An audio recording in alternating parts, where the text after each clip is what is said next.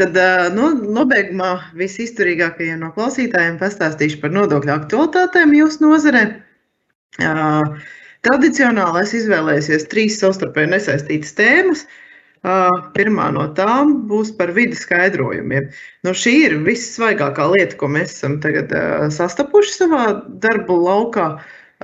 Pavisam nesen man nācies saskarties ar diviem tādu veidu skaidrojumiem, kur Vits ir skaidrojis nodokļu maksātājiem, ka neraugoties to, ka viņiem ir, teiksim, vispārīgi saprotot to ar lietotu īpašumu, tomēr atrada veidu, kā viņu nosaukt par nelietotu un aplikt ar PVN.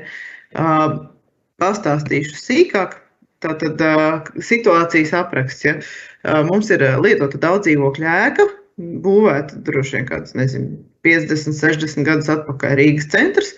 Un, un tad šī ēka ir nonākusi labās rokās, un labās rokas šai ēkai ir izņēmušas būvatļauju, lai veiktu dažādas rekonstrukcijas darbus ēkas fasādes remontu, lifta izbūvi, pagrabu telpu kaut kādu atjaunošanu vai nu, teiksim, lietošanas uzlabošanu, kaut kādas izbūves bēniņos, kāpņu telpas remonts, jumta nomaiņa. Šie visi ir tie darbi, kas tajos abos gadījumos ir tikuši veikti. Un, un konkrēti dzīvokļos pašos nekāda, vai nu vienā gadījumā bija vienkāršota renovācija, un vienā gadījumā nebija nekāda renovācija. Nu, lūk, un, un, un Kaut kā šie, dzīv, šie, šie dzīvokļi nākotnes teiksim, pārdevēji, tie cilvēki, kas plānoja pār, pārdot šos dzīvokļus, uzdeva vidam jautājumu, vai šiem dzīvokļiem nebūs jāpiemēro PVN. Nu, nu, teiksim, ja mēs skatāmies to dzīvokļu īpašumu pašu par sevi, tad, nu, tad viņš ir normāls lietots īpašums. Būs būvēts 60 gadus atpakaļ, bet uh, ieņem dienests pateica šādi. Mūsu situācijā ir tāds sanācis, kad ir rekonstruēta tā kopīpašuma domājumā daļa, tur, teiksim, tur kaut kāda lifta izbūve veikta vai kas, un, un, un šī kopīpašuma domājumā daļa īsti nav atdalāma no šī dzīvokļa īpašuma. Un, un, un tad sanāk tā, ja šis, šī kopīpašuma domājumā daļa nav izmantota pēc pieņemšanas eksploatācijā vai arī, teiksim, pēc tās tiek pārdot viena gada laikā, uh, tad uzskata, ka šis darījums ir nelietot īpašumu pārdošana, un tā tad ir jāpliek ar PVN.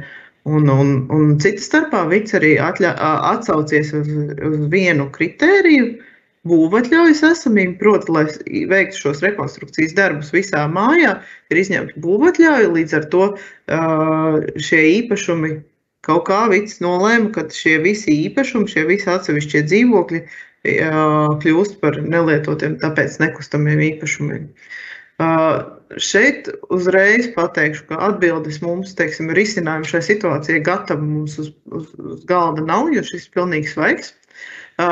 Tas, ko mēs domājam, viena lieta ir tā, ka mēs varētu turpināt diskusiju ar ieņēmumu dienestu, vai arī mēģināt, teiksim, prasīt finanšu ministrijas skaidrojumu šajā sakarā, jo nu, ņemot mani, ja es pērku, piemēram, kaut kādu īpašumu, es primāri pērku to savu dzīvokli. Es, es nepērku tās kopīpašuma domājamās daļas. Tas nav mans primārais darījuma mērķis. Un, un teiksim, šādi traktējot PVN piemērošanu dzīvokļiem lietotiem, ieņēmuma dienas tomēr kaut kādā veidā tas, tas ieņēmuma dienas redzējums ir nesamērīgs. Un, teiksim, te ir pietiekami labi argumenti, lai, lai varētu mēģināt pārliecināt, tomēr ieņemt dienestu kaut kā racionāli skatīties to situāciju. Ja mums ir teiksim, dzīvokļa vērtība liela un, un tās rekonstrukcijas vērtības nav tik lielas, tad nebūtu saprātīgi tam vērtīgiem dzīvoklim uzlikt PVN visam virsū, tāpēc tikai, kad ir rekonstruēts tas, nezinu, kāpņu tāpa vai uzbūvēts lifts. Uh, Tad otra, otra, otrs aspekts, uz ko jākoncentrējas, būtu arī tas, ka rekonstruētam īpašumam apliekamā vērtība ir starpība. Starpība starp pārdošanas vērtību un šī īpašuma vērtību pirms rekonstrukcijas. Un, un to īpašuma vērtību pirms rekonstrukcijas normatīvi akti nedefinē, kā viņi būtu nosakām. Tāpēc praksē bieži tiek lietot vai nu uzskaits vērtību grāmatvedībā, vai varbūt šī īpašuma iegādes vērtība, un trešais ir vērtētāja noteiktā vērtība. Un tad, līdz ar to, teiksim, ja mēs redzam, ka mums tā situācija iet uz to, ka mums varētu būt šāda problēma, tad mums ir varbūt vērts paskatīties, cik liels ir šis efekts uz, uz mūsu darījumu. Varbūt mums tā, tā, tā, tā starpība nav tik liela, un varbūt mēs varam pamatot teiksim, to, ka mums tā apliekamā vērtība nav tik ievērojama. Toties, ja mums, šī, ja mums šis darījums, šī pārdošana ir kā nelietot īpašumu pārdošana, tad mums ir iegums, ka mēs varam atskaitīt priekšnodokli par šo darījumu nodrošināšanu, kas būtu arī tās rekonstrukcijas izmaksām. Nu, lūk, tas ir tāds, vēl viena tāda viela pārdomām droši vien. Tā kā šis, šis, šī ir mūsu svaigā problēma. Tad mums ir mūsu programmā arī viena veca problēma mēs viņu nolēmām šodien iekļaut stāstāmo tēmu sarakstā, tāpēc, ka paši ar to šad un tad saskaramies, un, un, un nu, tā aktualitāte kaut kā nerimst. Tātad stāsts būs par PVN likuma 25. pāntu un par PVN piemērošanu ar nekustamo īpašumu saistītajiem pakalpojumiem. Tātad 25. PVN likuma pāns mums pasaka diezgan īsi un konkrēti, ka Ja mēs sniedzam pakalpojumus, kas ir saistīti ar nekustamo īpašumu, tad darījuma noris, pakalpojumu sniegšanas vieta ir tā vieta, kur atrodas šis nekustamais īpašums. Šeit blakus šī, šī bilde lielā ir skaidrojumi par, par to, kā būtu pareizi šīs normas piemērojami. Šie ir Eiropas komisijas oficiālie skaidrojumi, un ja uz jūsu rīcībā nonāk šī prezentācija, uzklikšķinot uz šīs bildes, tam skaidrojumam vajadzētu atvērties. Viņš tur ir ievietots iekšā. Uh, tur ir daudz dažādu piemēru, Bet te ir tāds kopsavilkums par, par šo dokumentu un, un, un normām. Tad es turpināšu ar to. Tātad šis 25. pāns mums ir no PVN direktīvas 47. panta ieviestā norma, kas principā to pašu arī nosaka. Uh, nu, parasti nevienam īsti nerodās šaubas par to, ka nekustamā īpašuma nomai vai, vai, vai būvniecībai vai varbūt pārdošanai būtu piemēram, vai viesu izmitināšanai būtu jāpiemēro PVN tur, kur šis īpašums atrodas. Bet mums ir PVN regula, kas, kurai 31. pantā, 31. pantā ir sniegti dažādi piemēri un skaidrojumi. Un, un, un tātad šī regula pasaka, ka pakalpoja, pakalpojumiem ir pietiekama tieša saikne ar nekustamo īpašumu, ja uh, Šo pakalpojumu iemesls ir nekustamais īpašums, un, un, un attiecīgais īpašums ir pakalpojuma neatņemama sastāvdaļa un sniegto pakalpojumu būtisk, galvenais un būtiskais elements. Tātad, ja mēs e, ejam atpakaļ uz savu 25. pantu, kas pasaka ar nekustamo īpašumu saistītu pakalpojumu, tad, tad šis regulas pants skaidro, cik lielā mērā tiem pakalpojumiem ar īpašumu ir jābūt saistītiem. Nu, lūk, un, un otrs ir, ko šis pāns pasaka, tātad ir, ka šie pakalpojumi tiek sniegti nekustamiem īpašumam vai ir tieši vērsti uz šo īpašumu, un to mērķis ir ja īpašuma juridiskā statusa vai fiziskā stāvokļa izmaiņas. Nu, tad tas droši vien ir vairāk attiecināms arī uz juridiskiem pakalpojumiem. Un, un turpinājumā regulā ir iekļauti vairāki piemēri. Uh, kur ir pilnīgi skaidrs pateikt, un pēc tam arī atgādināšu to, ko Marika teica, ka regula mums ir savukārt tieši piemērojams normatīvais akts, un Tad šī regula pasaka, ka PVN ir jāpiemēro nekustamo īpašumu vērtēšanai, apskatē un riska un veseluma novērtēšanai. Tad būs virkne juridisko pakalpojumu, arī starpniecībai. Ja vien teiksim, par juridiskiem pakalpojumiem tas ir savukārt tas grābeklis, uz ko mēs paši bieži uzkāpjam, Tātad, ja mums ir vispārējais konsultācijas par nekustamā īpašuma iegādi, pārdošanu, kaut kādiem saistītiem aspektiem, tad viņš, protams, nebūs tieši saistīts ar konkrētu īpašumu, drīzāk ar to kaut kādu, teiksim, nezinu, likuma interpretāciju Latvijā vai kaut ko tādu. Tad mums šo pakalpojumu sniedzot ārvalstu saņēmējiem, būs iespēja uzlikt to, to atbrīvojumu no PVN. Savukārt, ja mēs rakstam ārvalstu pakalpojumu saņēmējiem līgumu par uh, konkrētu īpašumu pirkšanu vai pārdošanu, tad uh, šim darbam gan jau būs jāpiemēro Latvijas PVN. Un šeit ir vienmēr ļoti jāuzmanās, jo nu, parasti ir tā diezgan automātiski gribās likt tā, mūsu pakalpojums ir sniegts uh, PVN maksātājiem citā dalību valstī. Protams, ka mēs viņu izstādīsim bez PVN. Uh, bet no, nu, ar šo pantu, uh, ar nekustamiem īpašumiem, tur ir savas, savas nianses. Nu, lūk, un, un tad tieši tāpat arī turpinājumā, piemēram, arī komunikācija un iekārtu uzturēšanas, atjaunošanas un remonta darbiem uh, ir, viņi arī tiek traktēti kā saistīti ar nekustamo īpašumu un tādējādi apliekam tur, kur šis īpašums ir.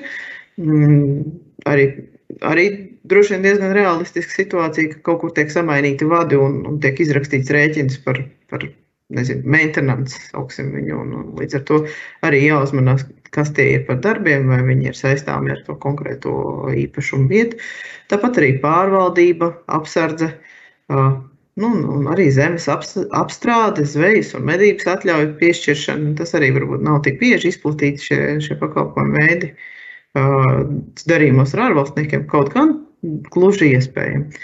Nu, lūk, un, un tad mācoties paši no savām kļūdām, nolēmām arī izstāstīt šos, atgādināt šo niansi jums. Un tad turpinājumā trešā, tā, nu jā, un tad, jā, no šī visa ir tas izdarāms secinājums, ja, ir, ja mēs redzam kādu savu sniegtā pakalpojumu saistību ar konkrētu nekustamo īpašumu, tad šim darījumam PVN ir jāpiemēro. Un, un tad ir trešā tēma, ko es jums gribēju izstāstīt īsi. Ja mums ir spriedums, jauns senāta spriedums lietā SKA 383 2020, un šīs lietas tēma ir par nekustamā īpašuma ieguldīšanu pamatkapitālā. Un, un iedzīvotāju ienākumu nodokļu piemērošanu. Tātad mums ir lietas apstākļi sekojoši, kad mums ir privāta persona, kas ir iegulda savu īpašumu akciju sabiedrībā apmaiņā pret šīs sabiedrības akcijām. Pēc tam, tad, kad tā, tas īpašums ir ieguldīts, pēc divām nedēļām šīs akcijas savukārt tiek uzdāvinātas kādam nodibinājumam. Un, un, un, un radās strīds ar ieņēmumu dienestu, jo Vits uzskatīja, ka šīs akcijas pirmkārt, ka tur rodas ienākums, jo uh, jo akcijas tika ieguldītas par, par lielāku vērtību nekā bija īpašuma iegādes. Es atvainojos, nevis akcijas, bet nekustamais īpašums ieguldot, viņš tā, tā saņemto akciju vērtība bija, nomināla vērtība bija lielāka nekā īpašuma iegādes vērtība. Līdz ar to tur rodas ienākums, kas būtu apliekams. Un, un, un, un otrkārt, mums ir iedzīvotāja ienākuma nodokļa likums, kas pasaka, ka skaidri un gaiši, kad šādā situācijā, kad tātad, notiek ieguldījums un, un, un tālāk pret akcijām, tad, tad šī ienākuma gūšanas diena ir akciju atsevināšanas diena. Un tad gal galā radās strīds ar ieņem dienestu par to, vai, vai šis akciju dāvinājums nodibinājumam, vai tas būtu tā atsevināšana vai nebūtu, un kā mēs šī situācijā atzīstam, kas ir ienākums un, un, un, un ko mēs apliksim. Nu, lūk, un, un šis ir tas jautājums, kur mums jau atbildi ir. Tātad, tātad pieteicēji uzskatīja sekojošu. Un, un starp citu, jā, vēl gribēju piebilst, ka trijās instancēs tiesai bija apgabala tiesa piekrita pieteicēji, bet senāts piekrita ieņēmuma dienestam. Tātad pieteicēji sākotnēji domāja sekojoši, ka vispirms šis aktīvs tiek ieguldīts apmaiņā pret akcijām, Un, un tā kā šo akciju nomināla vērtība bija lielāka par šī īpašuma iegādes vērtību, tad jā, pieteicēji piekrīt vidam, jā, protams, man rodas ienākums. Tomēr tad, kad es atdāvinu savas akcijas nodibinājumam, man rodas zaudējums, jo es par to nesaņemu nekādu atlīdzību par šo dāvinājumu. Un līdz ar to man ir ieņēmums, man ir zaudējums, un, un, un, un kopā vērtība sanāk nulle. Tātad man nav nekāda maksājumā nodokļa. Uh, un savukārt uh, ieņēmuma dienests un senāts pateica tā, ka tas, ka uh, es vēlos šīs akcijas kādam uzdāvināt, tā ir mana brīva izvēle. Es to varu, protams, darīt. Tomēr priekš nodokļiem mums ir jāskatās sekojoši, kad šis aktīvs ir ieguldīts apmaiņā pret akcijām. Uh, ir radies ienākums, kas ir jā, jāpliek ar, ar iedzīvotāju ienākumu nodokli. Un, un, un Un tad līdz ar to tajā brīdī, kad es šīs akcijas atsevinu, un arī dāvinājums būs atsevināšana, tad man jebkurā situācijā rodās pienākums maksāt par šo ienākumu, kas ir, kas ir šis pieteicējs viedokļa pirmajā punktā minētais, ja, tātad šī starpība. Un, un, un, un šie zaudējumi no, no, no akciju dāvināšanas tur netiek ņemt vērā. Un, Tātad šī stāsta morāla ir, ir tāda, ka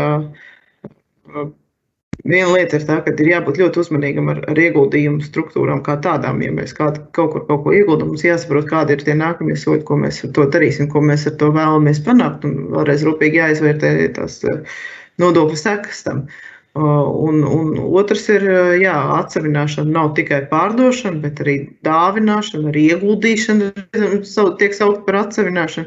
Līdz ar to tur, teiksim, tas, tas kopējais konteksts un tās sekas tam situācijai jāizvērtē pirms kaut ko uzsākt. Un, un trešais ir, te vēl varētu papildināt ar vēl papildus scenāriju, ja ir, mums ir kāds īpašums un ieguldot, mēs viņu pārvērtējam par vērtīgāku, tad uh, visa šī vingrojuma rezultātā, tad brīdī, kad mums pie, iestājas maksāšanas pienākums, tad mēs maksāsim vispār to, to iedzīvotāju ienākumu nodokli starp šo, šī īpašuma oriģinālo iegādes vērtību. Un mums tās akcijas jau tā nomināla vērtība būs ļoti liela, tāpēc, mums ir pārvērtēts tas īpašums tajā brīdī, kad mēs ieguldamies. Un, un līdz ar to mums tas dēļ tās pārvērtēšanas mums vēl var būt papildus iedzīvotāju ienākumu nodokļu sekas. Uh, Tāpēc šis ir tāds, nu, droši vien tāds arī viela pārdomām un, un, un, un tāds aicinājums būt uzmanīgiem ar ieguldījumiem. Mazliet esam pāri laikam. Saku jums lielu paldies par, par, par dalību. Paldies jums!